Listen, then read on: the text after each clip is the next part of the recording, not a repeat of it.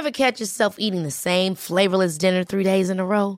Dreaming of something better? Well, HelloFresh is your guilt-free dream come true, baby. It's me, Gigi Palmer. Let's wake up those taste buds with hot, juicy pecan-crusted chicken or garlic butter shrimp scampi. Mm. Hello Fresh. Stop dreaming of all the delicious possibilities and dig in at HelloFresh.com. Let's get this dinner party started. I'm Sandra, and I'm just the professional your small business was looking for. But you didn't hire me because you didn't use LinkedIn jobs. LinkedIn has professionals you can't find anywhere else, including those who aren't actively looking for a new job but might be open to the perfect role, like me. In a given month, over 70% of LinkedIn users don't visit other leading job sites. So if you're not looking on LinkedIn, you'll miss out on great candidates like Sandra. Start hiring professionals like a professional. Post your free job on linkedin.com/people today. Here's a cool fact. A crocodile can't stick out its tongue. Another cool fact, you can get short-term health insurance for a month or just under a year in some states. United Healthcare short-term insurance plans are designed for people who are between jobs, coming off their parents' plan, or turning a side hustle into a full-time gig. Underwritten by Golden Rule Insurance Company, they offer flexible, budget-friendly coverage with access to a nationwide network of doctors and hospitals. Get more cool facts about United Healthcare short-term plans at uh1.com.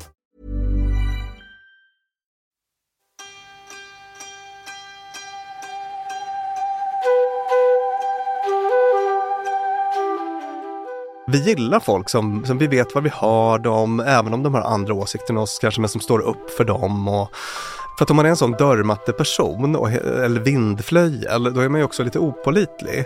Eh, då håller man ju med senaste talare så att säga. Alltså man vet inte riktigt vart man har en sån person och det är inte likeable. Varaktiga kärleksrelationer, nära vänner och blomstrande karriärer. Men också ett längre, lyckligare och friskare liv. Det här är bara några av de många positiva effekter som omtyckta människor ofta får uppleva. Och det fina är att vi alla kan bli mer likeable. Det finns nämligen en hel del konkreta verktyg och tips utifrån forskning som kommer att hjälpa dig att vårda dina relationer i allt från familj till arbetsliv. Du kommer helt enkelt att bli mer omtyckt. Björn Hedensjö är legitimerad psykolog och författare till bland annat boken Omtyckta människor. Forskningen, knepen och övningarna som gör dig likeable. Ni hör honom också i den populära podden Dumma människor som han har tillsammans med Lina Thomsgård.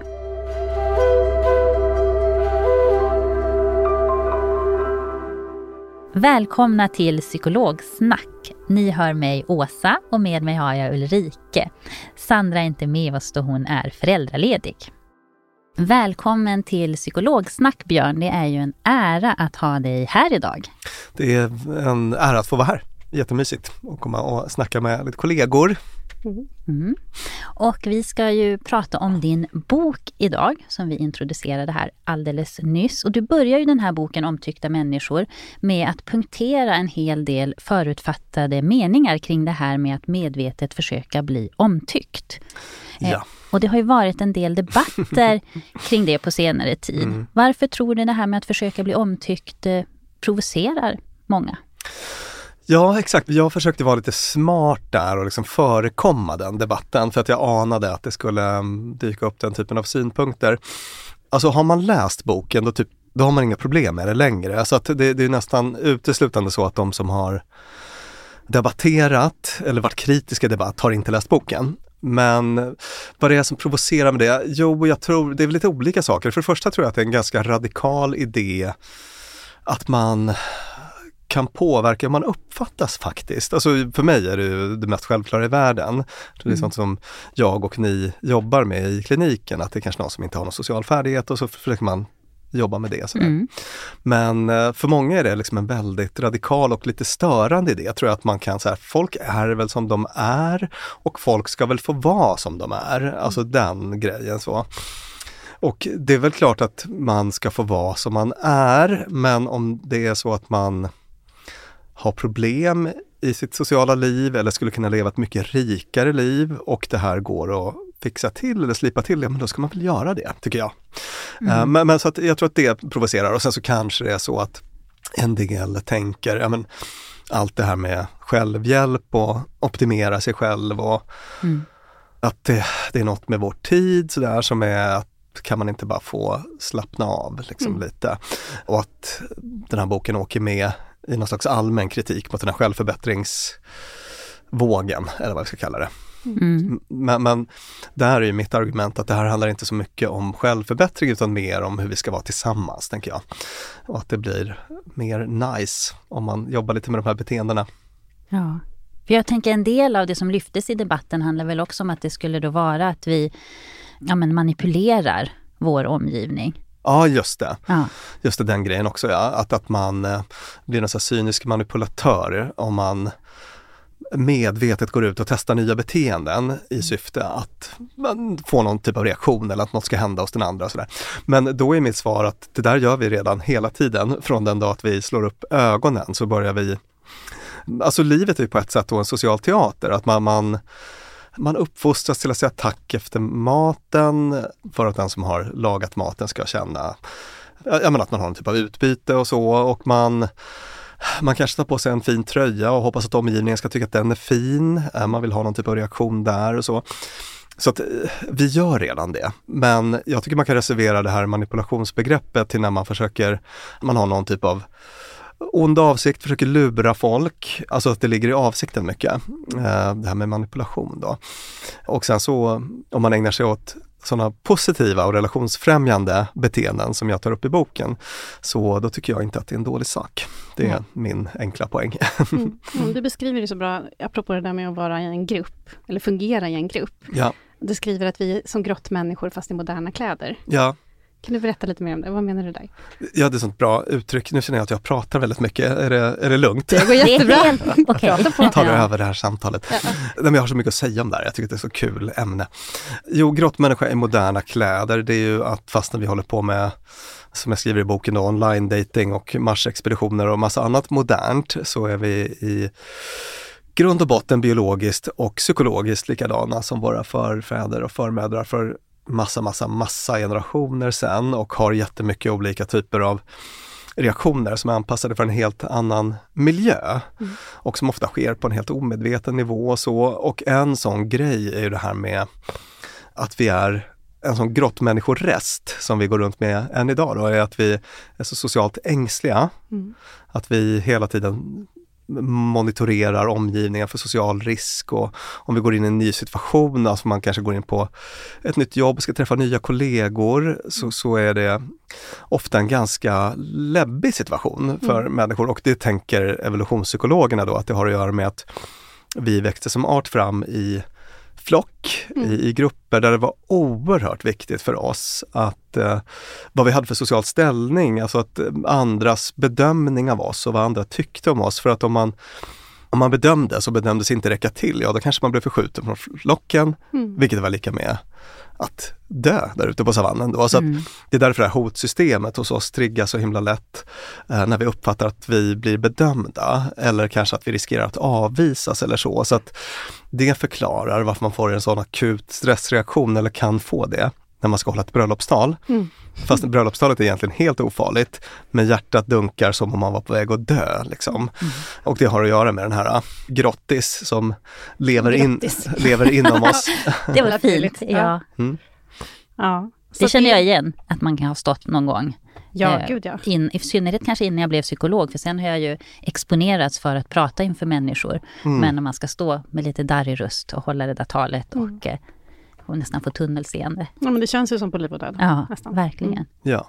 Mm. Så att det är i själva verket livsviktigt att bli omtyckt i grund och botten. Kan man säga så? Ja, så uppfattar Grottis det i alla fall. Mm.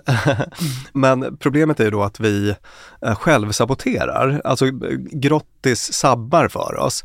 Och ett sådant exempel på det kan vara, ja men ta det här om man kommer in på ett nytt jobb, en ny grupp människor och sådär. Nya kollegor, det är en sån situation många känner igen. Eller kanske första dagen i en ny klass, eller vad det handlar om. Eller att man kanske kommer till en AV på fredag eftermiddag med en kompis och den kompisens fem coola vänner som man inte känner.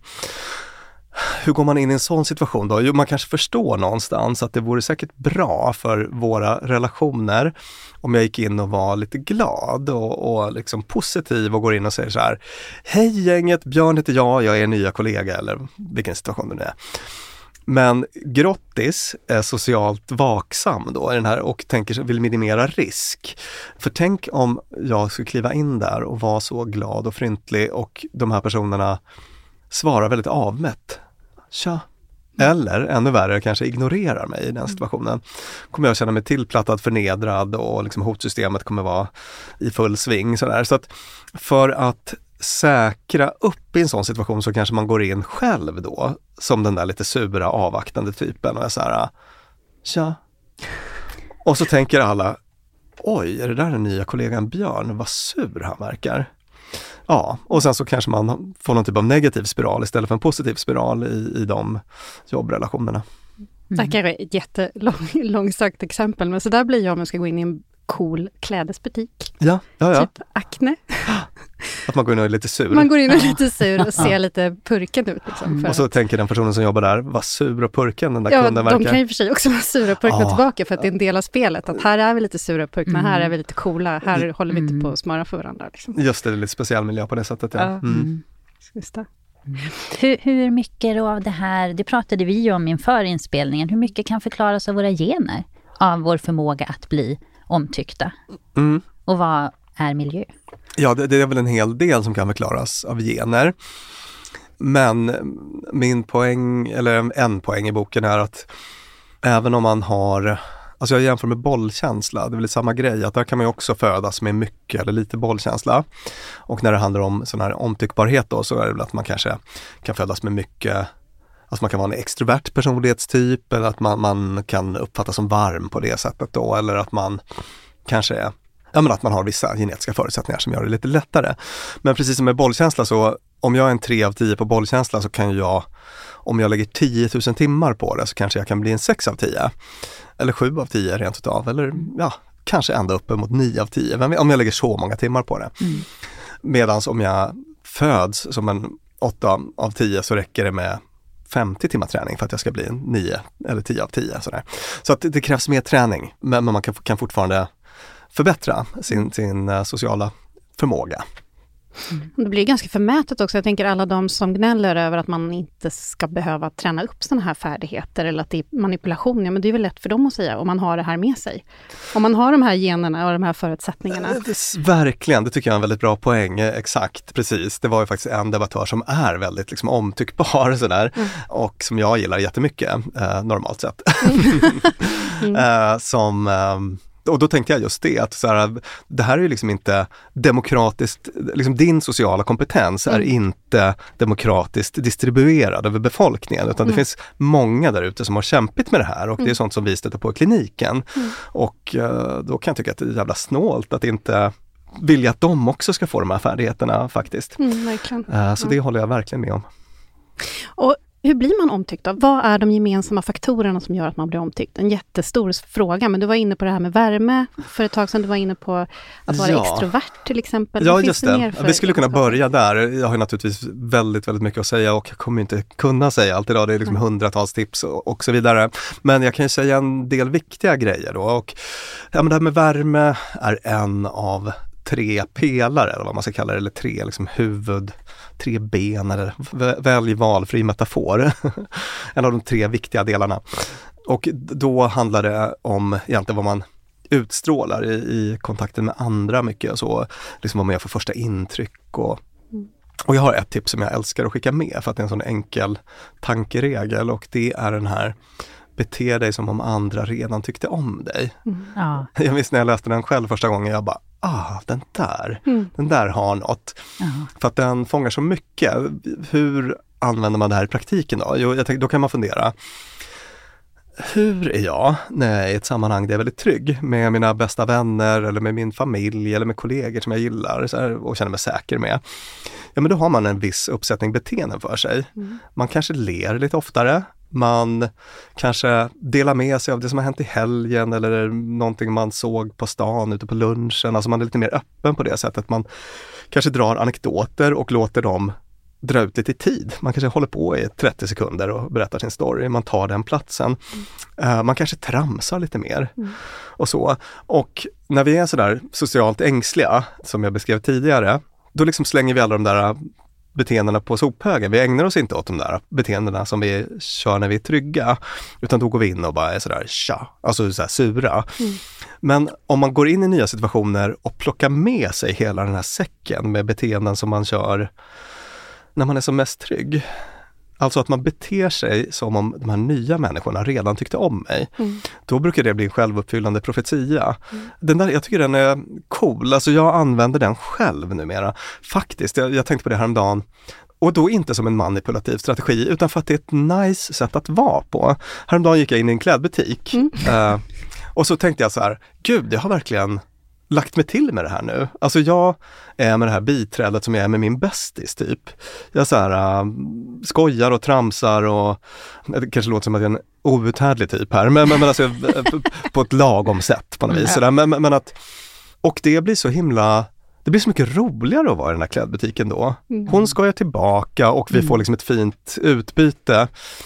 Och, och, det var verkligen så att tillämpa den regeln på ett sätt som jag kanske inte hade gjort för tio år sedan ärligt talat. Mm. Så jag har ju också haft en, en sån resa med mm. det här. Mm. Är det här mer automatiserat hos dig nu då? Alltså att det kommer naturligt, du behöver inte tänka så mycket på det? Ja, mm. verkligen. Och, och det är ju en annan viktig poäng i den här manipulationsdebatten då att Alltså vi kan ju lära oss nya beteenden och de kan bli en del av våra autentiska jag. Det är inte så att vi föds med några helt färdiga autentiska jag utan vi lär oss ju sociala regler som att säga tack för maten i början så är det någonting vi måste anstränga oss för att göra. Men efter ett tag så kommer det helt naturligt och på precis samma sätt är det med massa, massa annat. Och det är väl en fantastisk sak att vi kan liksom hitta nya sätt att vara i världen när, när det kanske inte funkar att vara så som vi är just nu. Ja, men det är väl jättetrösterikt att man då kan lära sig nytt och att det kan bli en del av ens mm. naturliga beteenderepertoar. Jag gillar den tanken i alla fall. Ja. För det väcker ju verkligen positiva spiraler gång på gång ja. i varje given, varje sån här social situation som ger en, en direkt feedback-loop. Mm. Där man börjar tycka om sig själv mer och mer. Ja, man, ja på ett lagom sätt. Liksom. Ja, ja. Um, naturligtvis, men det fattar ju alla smarta människor som lyssnar, men, mm. men man får ju naturligtvis anpassa sig lite alltså, efter situation. Ja. Om man går in på anställningsintervjun och berättar om sina sexuella eskapader i fredags, alltså då, oh, ja. alltså man behöver ju anpassa sig till sociala skript lite grann i alla fall. Ja. Um. ja, du var ju lite inne på i boken det här med oversharing. Ja, just det. Alltså att dela med sig för mycket, mm. att bli lite gränslös.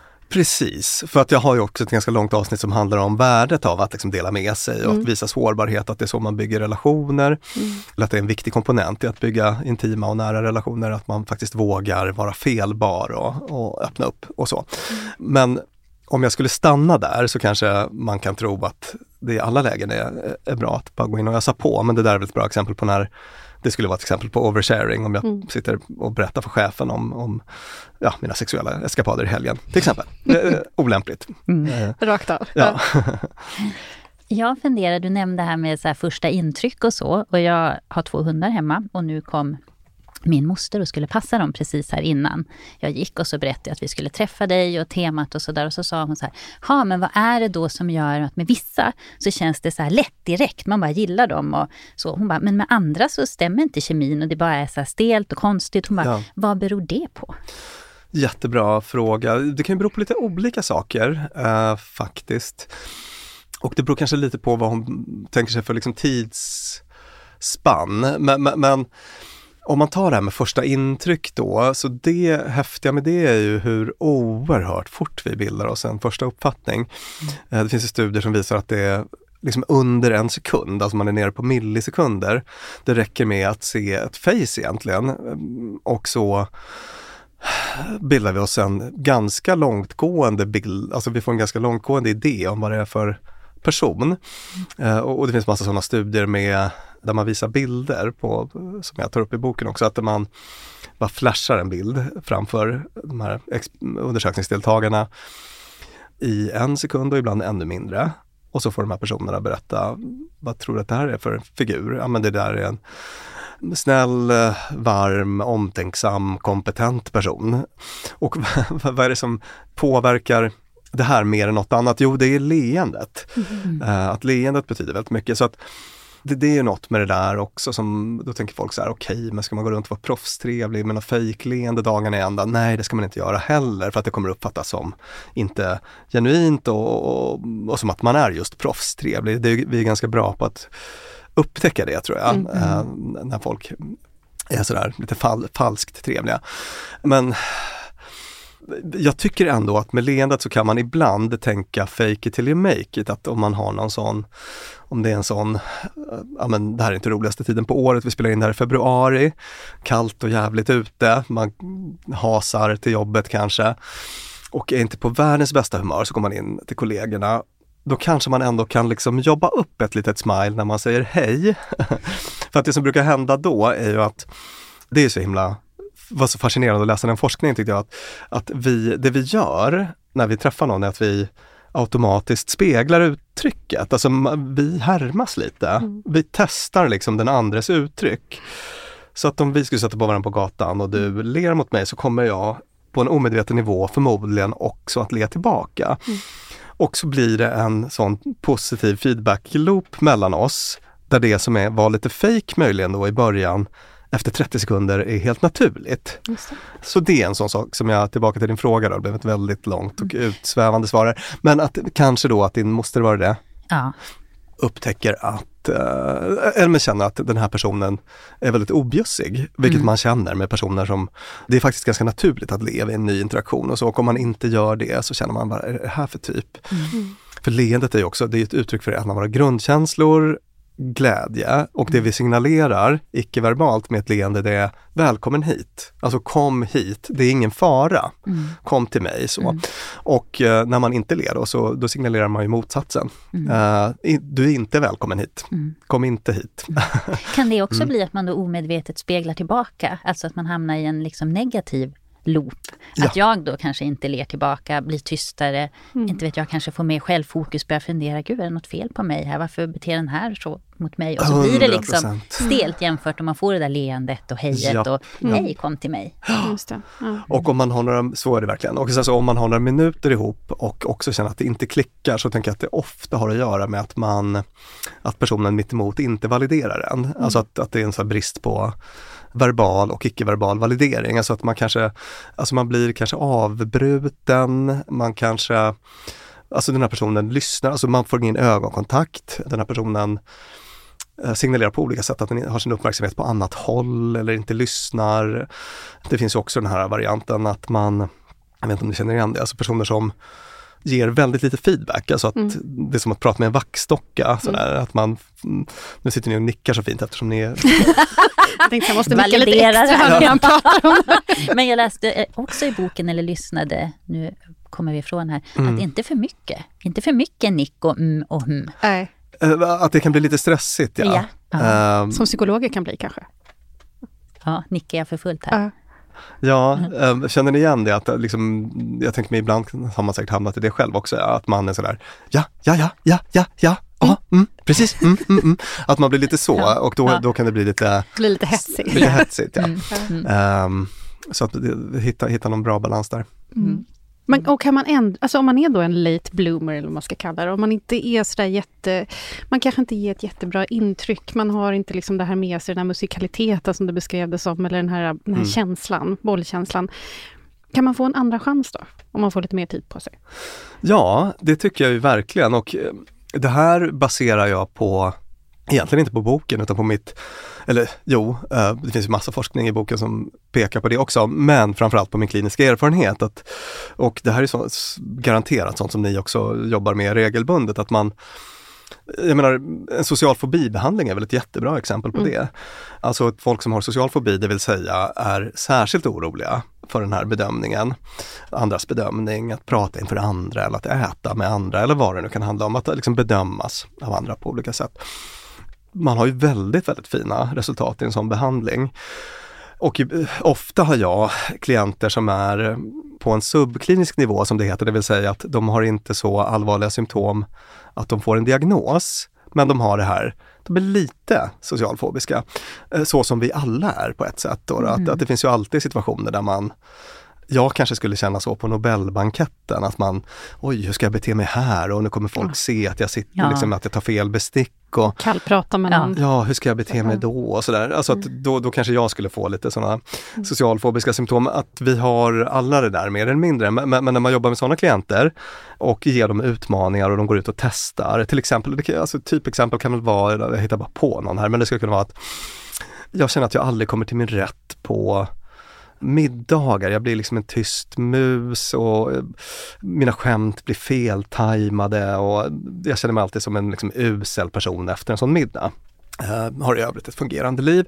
Ja, men då får man testa lite nya beteenden. Okej, okay, nu ska du Alltså med en sån person finns det förmodligen problem att de är väldigt självmedvetna då, väldigt mycket på sitt eget huvud och håller på att repetera meningar i huvudet innan de säger de och sådär och så kommer de aldrig in på rätt sätt. Och så, ja, men då kan man ge dem lite olika övningar. Att nu ska du testa att vara liksom ofiltrerad, du ska säga det första som dyker upp på den här middagen på fredag, du ska dra en anekdot på minst 30 sekunder. Man ger lite olika uppgifter och sådär. Och sen kommer de tillbaka, kanske inte efter första försöket, men efter andra försöket säger du, vet du vad, det hände något på den här middagen. Mm. Det var fan den roligaste på sex år. Mm. Så, alltså, så, det går. Jag har mm. sett det massa gånger, det funkar. Ja, och där tänker jag också med social fobi, då får man ju träna sig ofta på att titta folk i ögonen. Ja. Att le, komma in, ställa frågor, mm. ta initiativ till samtal och Just så vidare. Det. Gå in i olika butiker med sura liksom, Yep. Eh, anställda. Lämna tillbaks grejer. Utmana sig själv. Ja. Utmana sig själv. Ja. Mm. Så att man får ju många nya erfarenheter. Ja, precis. Ja. Och, och, exakt, och det är ju verkligen folk som skulle vara, läs gärna boken, alltså den, eh, ni kommer nog få många bra uppslag på ja. saker ni kan öva på. Mm. Om ni känner igen er i den problematiken. Mm. Mm. För jag tror man kan behöva lite hjälp, för det är just de, där, de här likable äh, egenskaperna som man får träna på. Ja, Del, delvis också. Ja. Mm. I'm Sandra, and I'm just the professional your small business was looking for. But you didn't hire me, because you didn't use LinkedIn jobs. LinkedIn has professionals you can't find anywhere else, including those who aren't actively looking for a new job, but might be open to the perfect role, like me.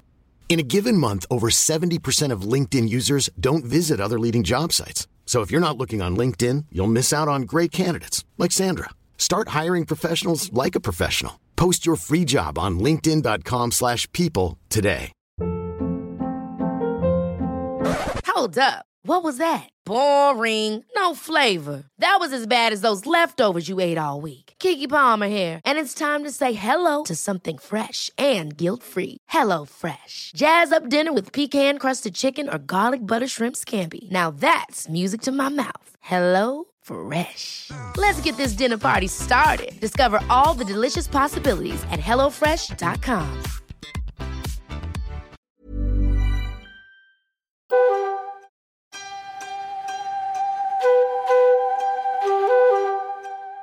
Är det någon gång som vi inte gynnas av att vara likable eller att vara omtyckta? Nej, jag kan inte se vad det skulle vara. Ehm, det finns ju ett vanligt missförstånd om boken som folk har som inte har läst den. Det är så kul där för att jag, så fort jag berättade att jag skrev den här boken på fest så liksom dök alla missförstånd upp mm. så att jag kunde adressera dem i förordet. Ah, jag kunde liksom förekomma ja. dem.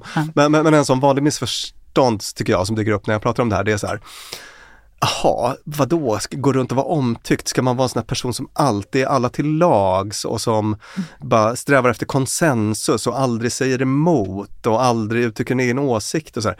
Nej, nej, tusen gånger nej. Alltså verkligen inte. Det är inte likeable i mitt perspektiv och alltså vi gillar inte det. Alltså vi, det är ju sådana här people pleasing eller sådana liksom dörrmattebeteenden som jag särskilt tar upp i boken då, att man inte ska ägna sig åt det utan tvärt vad många tror så vi gillar folk som, som vi vet var vi har dem, även om de har andra åsikter än oss kanske, men som står upp för dem. Och, mm. För att om man är en sån dörrmatteperson och, eller vindflöjel, då är man ju också lite opolitlig. Mm. Eh, då håller man ju med senaste talare så att säga. Alltså man vet inte riktigt vart man har en sån person och det är inte likeable. Mm. Men i den här missförstådda bilden av en likable person om man tänker att det är en sån people pleaser eller någon som en sån dörrmatta eller vindflöjel, ja då finns det massa nackdelar med det. Mm. Men, men Likeable i mitt perspektiv, som absolut inte är en sån person utan som tvärtom är en person som har koll på sina värderingar, agerar utifrån dem, står upp för sina åsikter och så vidare. Så kan jag inte se några nackdelar alls med det faktiskt. Det är mm. bara ett bra sätt att vara i världen.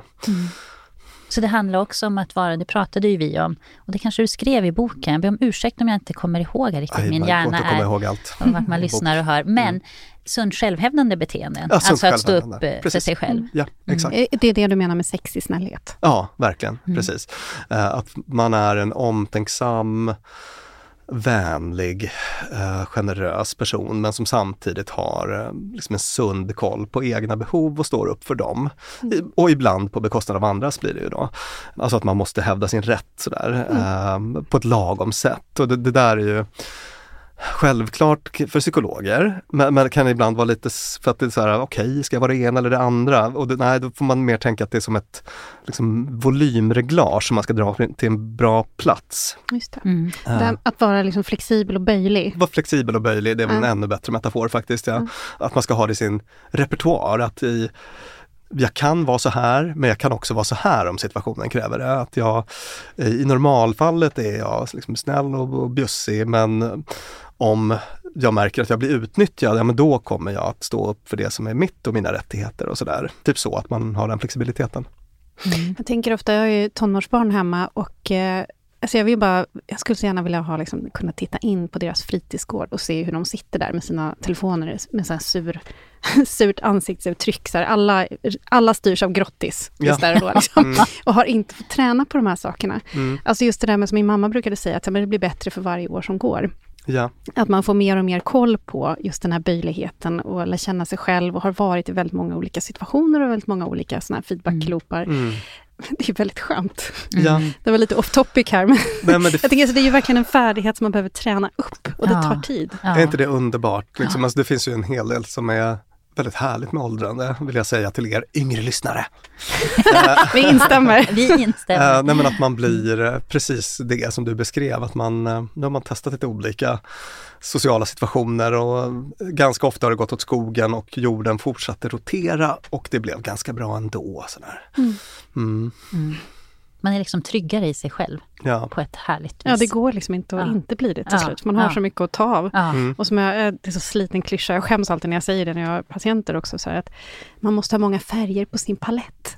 Eller man kan hitta fler färger på sin palett. Ja. Mm. Apropå böjlighet och sätt mm. att vara på. Mm. Liksom, mm. Hitta mm. de här sidorna av sig själv. Mm. Både de som är sunt självhävdande och de som är Ja, vad var motsatsen då? då? Undvikande, Undvikande Ja, men det måste man också få göra ibland. Ja, jag brukar säga, man kanske, det var väl det du sa nu kanske, men mm. i terapin, alltså röra sig där emellan. Mm. Alltså ibland kanske det är okej att man är undvikande också, det är ju mänskligt. Ja. Ja. Men att ha strävan där mot mitten, mot den här sexiga snällheten. Mm. Mm. Vi pratade, Sandra som inte är med oss idag, en tredje medlemmen i, i vår podd. Hon jobbar ju mycket med ledarskap och ledarskapsutveckling och det här med sexig snällhet. Och jag tror att du tog upp det i boken eller i en annan podd som vi lyssnade på. Mm. Att de som har den här sexiga snällheten, mm. omtänksamma beteenden och så, ofta blir informella ledare ja. i en grupp. Ja. Hur är det, ser man det? Jag tänker att det måste ju vara så positivt även då hos formella ledare. Verkligen, verkligen. Vet du hur det ser ut där så forskningsmässigt? Är det de personerna som också blir ledare? Ja, mm. absolut. Mm. Uh, det är det ofta. att det är positiva sådana prosociala beteenden som liksom propellerar folk till, till makt. För att uh, vi uh, vill följa personer som vi gillar egentligen. Eh, alltså generösa. Det är klart, de, de brukar ofta vara kompetenta på något sätt, alltså den biten behövs. Men, men sen så är det en otrolig konkurrensfördel att vara en sån liksom schysst, omtänksam person. Uh, man bygger sociala nätverk, typ ens chef gillar en och är sådär, eh, nu vill jag ge dig chansen. Alltså man befordras och man tipsas om till nya jobb och sådana saker.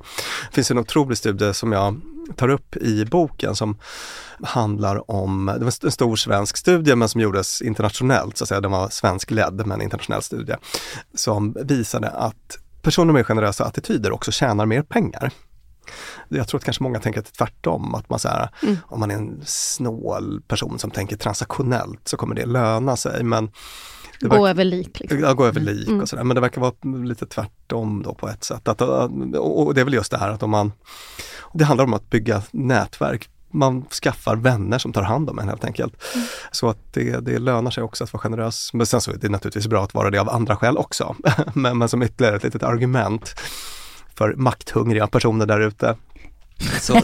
ett tips till er. Ja. ett tips till er. Och, och sen så är det bra att hålla koll på att det som brukar hända när man får makt, det finns också många roliga studier på att man korrumperas väldigt snabbt av makt. Mm. För det är kanske många som tänker så här, men min chef är ju ett as.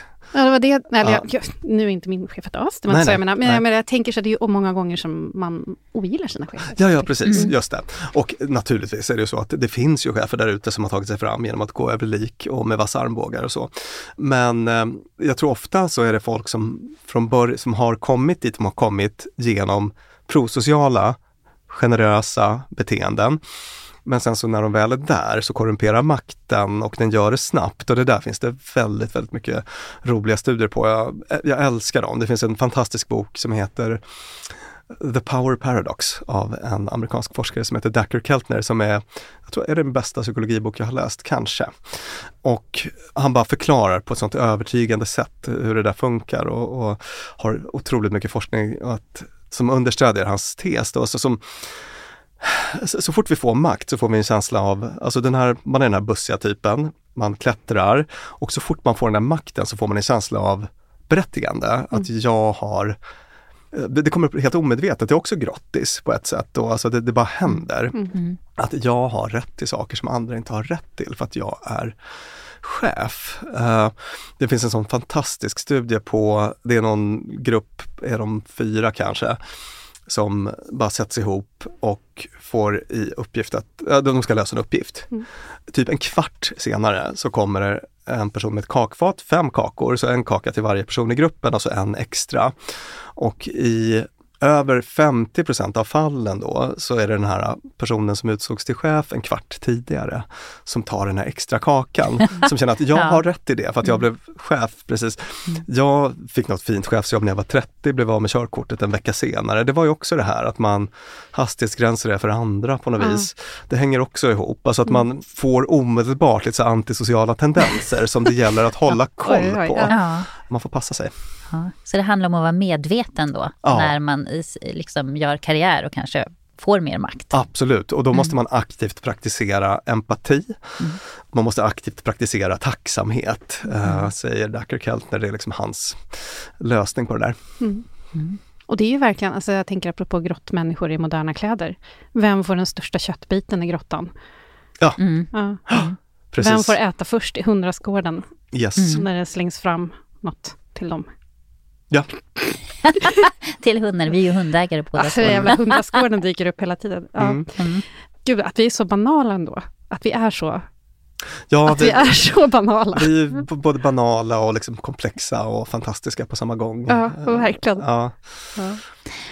Men eh, Björn, det här, har det kommit lätt för dig?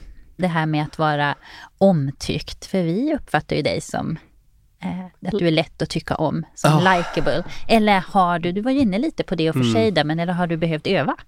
Jag har behövt öva, skulle jag säga. Alltså, det är något med det här som är som jag skulle vilja säga och, och, som jag tror kanske också att den här, alltså de som var lite kritiska och debatterade så, tänker att man kanske måste vara perfekt. På, alltså att så här, för att man ska funka ihop med andra måste man vara perfekt, man måste vara på vissa sätt. Så, alltså det, I det här paketet finns det, det, det är liksom väldigt förlåtande. Det, det är till exempel, man kan vara väldigt introvert och samtidigt väldigt likable genom att vara pålitlig och, och ha den typen av liksom omtyckbarhetsbeteenden för sig.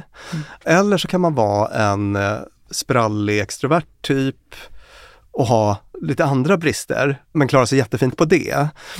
Och eh, jag tror att för min del, det har väl alltid varit en ganska liksom, eller i större delen av mitt liv tror jag, ganska liksom omtänksam person och sådär. Men, men däremot så har jag varit ganska blyg också. Bott en stor del av livet i Norrbotten och varit präglad av den miljön. Jag med. ja. Jag är från Kalix. Oh, mm. Kalix, känt för att folk pratar så oerhört sakta. ja.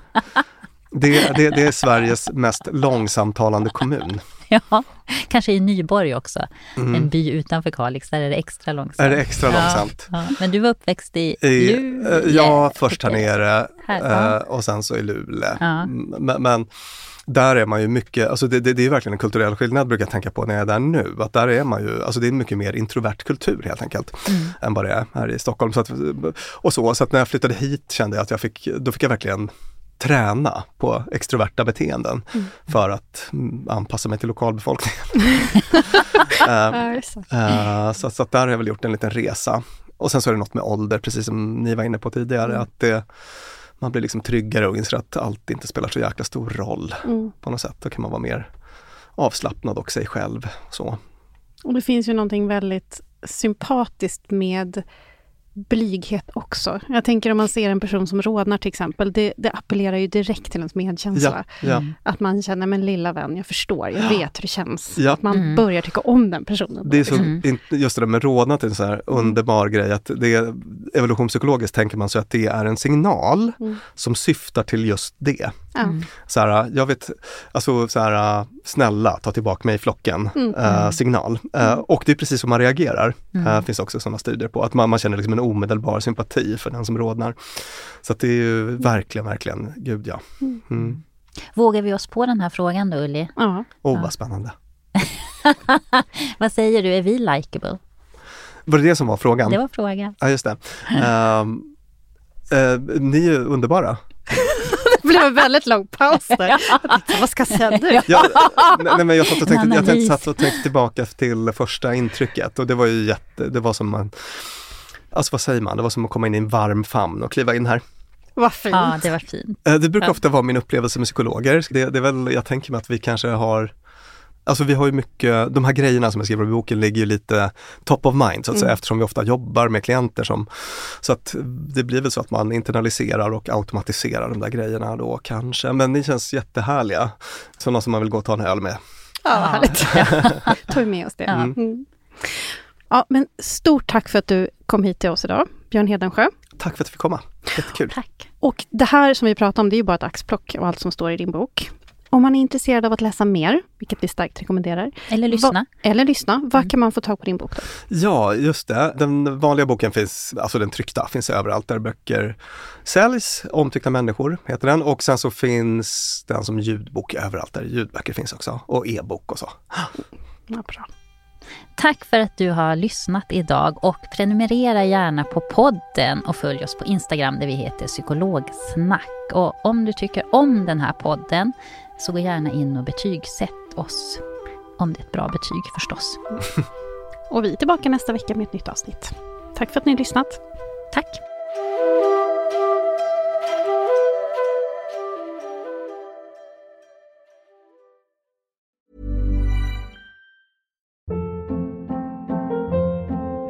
Hold up. What was that? Boring. No flavor. That was as bad as those leftovers you ate all week. Kiki Palmer here, and it's time to say hello to something fresh and guilt-free. Hello Fresh. Jazz up dinner with pecan-crusted chicken or garlic butter shrimp scampi. Now that's music to my mouth. Hello Fresh. Let's get this dinner party started. Discover all the delicious possibilities at hellofresh.com.